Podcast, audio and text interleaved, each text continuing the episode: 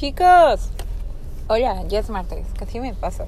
¿Cómo están? Espero que súper bien. Bueno, ahora les voy a hablar de mi segunda vez en Tinder y fue con un mexicano también y fue cuando dije, Dios, no, o sea, definitivamente aquí lo mal es que estoy saliendo con mexicanos. Y no es que los mexicanos tengan algo mal, es que simplemente somos un poco más machistas y no sé, siento que la mujer no es tan libre y no es tan igual, ¿no? O sea, no hay esa equidad que muchas mujeres queremos, pero bueno, está en casi todo el mundo, pero en México es muy marcado todavía. Entonces, salí con un chico que ahora yo podría decir que mm, si me pasa algo, eh, supongo que se preocuparía de alguna manera, pero X, ¿no?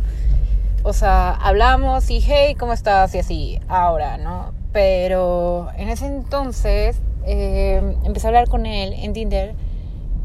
Hablaba casi todos los días, como por, no sé, ¿qué será? Una semana. Un poco más de una semana hablé con él, pero por WhatsApp, ¿no? Porque nos pasamos el WhatsApp, bla, bla, bla. Y la verdad es que estaba súper atractivo. O sea, fue, fue, yo lo vi y dije, ah, está súper atractivo. O sea, tiene una cara muy bonita, es muy alto, arriba como de 1,90, es eh, fuerte, no sé, una complexión como media, pero también hacía mucho ejercicio. Eh, es, es una persona que sí es como oculta, pero bueno, o sea, como que le echa ganas a, a lo que a él se dedica y todo eso, ¿no? Era un perfecto candidato como para decir, me encantas y si me encariño, pues, o sea, no pasa nada, está, está muy bien. Pero eh, pasó por mí una noche que él regresó de haber visto a sus papás. Eh, y pasó por mí en Uber a mi casa para irme a su casa, depa, ni siquiera me acuerdo si era un depa, solo me acuerdo de su habitación. Y de que me invitó a cenar, pero no quise la verdad es que fue súper raro porque fue como straight to the bed, ¿no? O sea, directamente de, hey, o sea, ¿quieres unas quesadillas? No, gracias. Bueno, vamos a la cama. Y para mí fue como, ok, la verdad es que estás muy guapo. Sí, definitivamente es una oportunidad que no voy a perder. Pero, pero no era como lo que quería, no era como lo que esperaba, porque había hablado como muchos días con él y todo eso. Y después él como que esperaba que me quedara a dormir. Y la verdad es que fue tan directo, fue como tan a la cama que dije, bueno, pues creo que es a lo que es y mejor me voy. Obviamente ya no me quedé a dormir con él. Me fui a mi casa y seguimos hablando. Sí, seguimos hablando un poco. Pero yo les voy a decir que hay muchas veces que nosotros queremos dormir con alguien después de tener relaciones porque como que de alguna manera sientes un cariño por la oxitocina o lo que sea cuando tienes relaciones con alguien. Pero eso no significa que de verdad tú te tengas que quedar a dormir ahí, ni significa que la otra persona se tenga que quedar a dormir. Yo creo y soy muy de la idea que si algo no te gusta, te vayas. Entonces, si no te sientes bien, pues te vas. O sea, si ya viste que el chavo no quiere algo realmente serio y vas solo a eso, ah, pues lo disfrutas y te vas, ¿no? Al menos como la parte de la mujer. Pero yo creo que también como los hombres es lo mismo, ¿no? O sea, muchas ocasiones ven una chava y se la dan y ya, punto, ¿no? Y ahí se acaba. Nosotros seguimos platicando hasta que un día me di cuenta en sus pláticas que estaba súper clavado con su exnovia.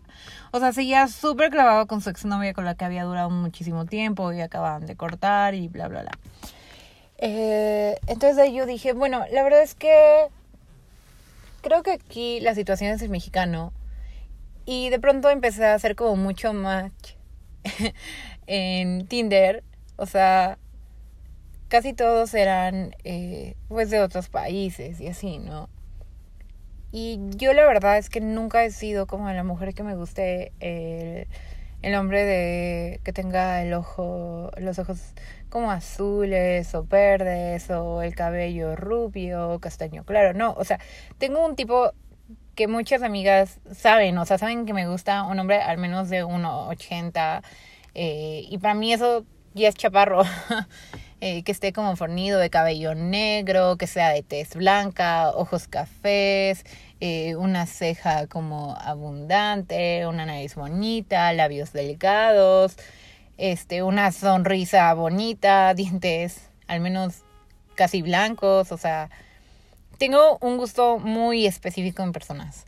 Pero de pronto empecé a conocer como a los otros chicos y no por conocerlos a, no sé, no por conocer como su belleza como tal, sino como empezar a salir pues con alguien que tal vez no era mi tipo, pero era súper buena onda, era súper chistoso y de todas maneras era muy guapo, o sea, era muy atractivo Simplemente que tal vez era de ojos azules, o tal vez era rubio, o tal vez era muy delgado.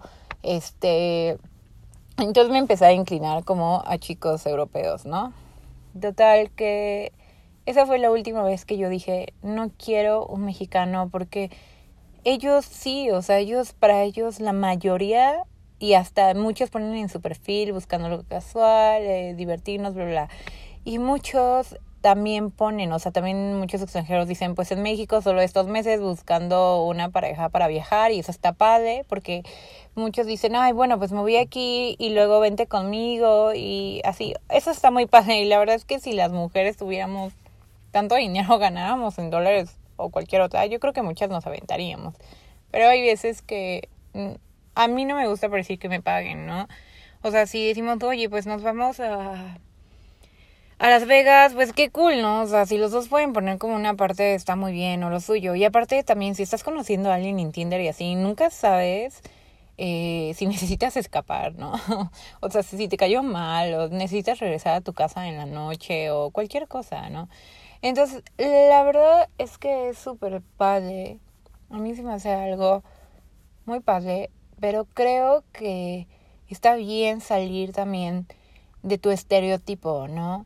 Y tampoco, por si tampoco todos los gringos son iguales, ni todos los europeos son iguales, ni todos los de Turquía son iguales, o sea, cada quien va a tener su esencia, su forma de verse y todo eso, pero sí la cultura va a ser diferente a México. Y ya con que tú aprendas lo de alguien más, o sea, cómo vive, cómo come, no sé, hasta, no sé, en México nos mandan lunch nuestras mamás a la escuela y en Francia eh, realmente casi les dan de comer en la escuela y también muchas escuelas americanas, bueno, de Estados Unidos porque nosotros también vivimos en América, les dan de comer en la escuela y tienen como su área de comedor y son cosas más naturales o este o más nutritivas, bla bla bla. Entonces, todo eso es diferente y también los hombres tienden a ser muy respetuosos los hombres europeos tienden a ser muy respetuosos, a ir como sigilosamente, a ir como, ok, sí me quiero acostar con ella, pero bueno, primero le invito un café, o primero le invito a cenar, o primero nos vemos hoy, o... Y luego mañana nos volvemos a ver. Y ya como en la tercera, cuarta o quinta vez que se ven, ya intentan algo. Tan solo que tú intentes algo más rápido, pues ellos van a estar totalmente abiertos. Pero muchas veces van a ser muy caballerosos, pagarán tus cuentas, de, no sé, o sea, si van a comer, seguramente pagarán la comida. Si vas por una cerveza o algo de tomar, también te van a pagar tus bebidas. Eh, pero es más por un acto de cordialidad que, que en México es más como un acto de, ay, mira, tengo para mantenerte. Eso está horrible, está horrible. O sea, la mayoría de mis amigas trabajamos y podemos trabajar día y noche, pero la mayoría de nosotras nos pagamos lo más que podemos de nuestras cosas, ¿no? Entonces está súper feo que un chavo llegue y te dé dinero. Este, o que lo haga como una manera de, ay, no, pues yo te mantengo. O sea, la verdad es que no, no está padre. Y en ese momento yo entendí que los mexicanos pues simplemente iban directo a la cama y que para ellos siguen teniendo esta mentalidad de, ay no, es una prosti o no sé, porque está en en Tinder. Y la verdad es que seas pirujo, ¿no? Porque te acostaste con 40 o 100 y tal vez ni prosti porque ni, ni cobras o lo que sea. Este.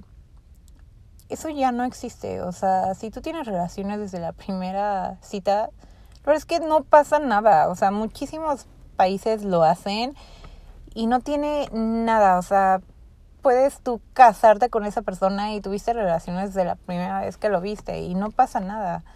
Es esta mentalidad en la que México piensa siempre va a tratar de hacer a la mujer un poco menos. Y no digo que todos, pero sí en su mayoría. Entonces, la verdad es que ese día yo dije, full, ya no quiero salir con mexicanos. A todo lo que da, no quiero, no me interesa, ya estoy hasta arriba de salir con gente que piensa así de las mujeres, ¿no? Sin embargo, alguna vez eh, este chico, este, no sé, le conté algún problema que tuve, inmediatamente me marcó por teléfono, pero eso ya fue como muchos meses después. Y me dijo, a ver, explícame, bla, bla. O sea, como también esta parte de, no te preocupes, todo va a estar bien, yo te ayudo. O sea, al final estoy ahí, ¿no? O sea, aunque no quieras tener relaciones, pues estoy ahí. Y eso no significa que nos vamos a ver de nuevo para tener relaciones, ni que nos vamos a ver para salir. Pero al final se hizo algún tipo de conexión buena, ¿no? Y de hecho le conté como alguna situación muy personal que tengo. Y fue tiempo después, porque dije, mira, la verdad es que no quiero salir contigo, yo estoy más como para otra cosa y bla, bla, y tengo esto, bla, bla. Y la verdad es que lo tomó súper bien y ya, y hasta la fecha, si nos saludamos una vez al mes, está bien, ¿no? Por Instagram o WhatsApp o lo que sea. Pero sí es diferente. Sí es diferente, o sea, nunca como que planeó, oye, vamos a una cita o algo lindo, ¿no? Es así como, oye, ¿quieres unas quesadillas? No, bueno, pues, directo a la cama. eh, está bien ser directo, pero seguimos siendo humanos, ¿no? Y también seguimos queriendo conectar de alguna manera. Supongo. Les mando un abrazo. Buenas noches.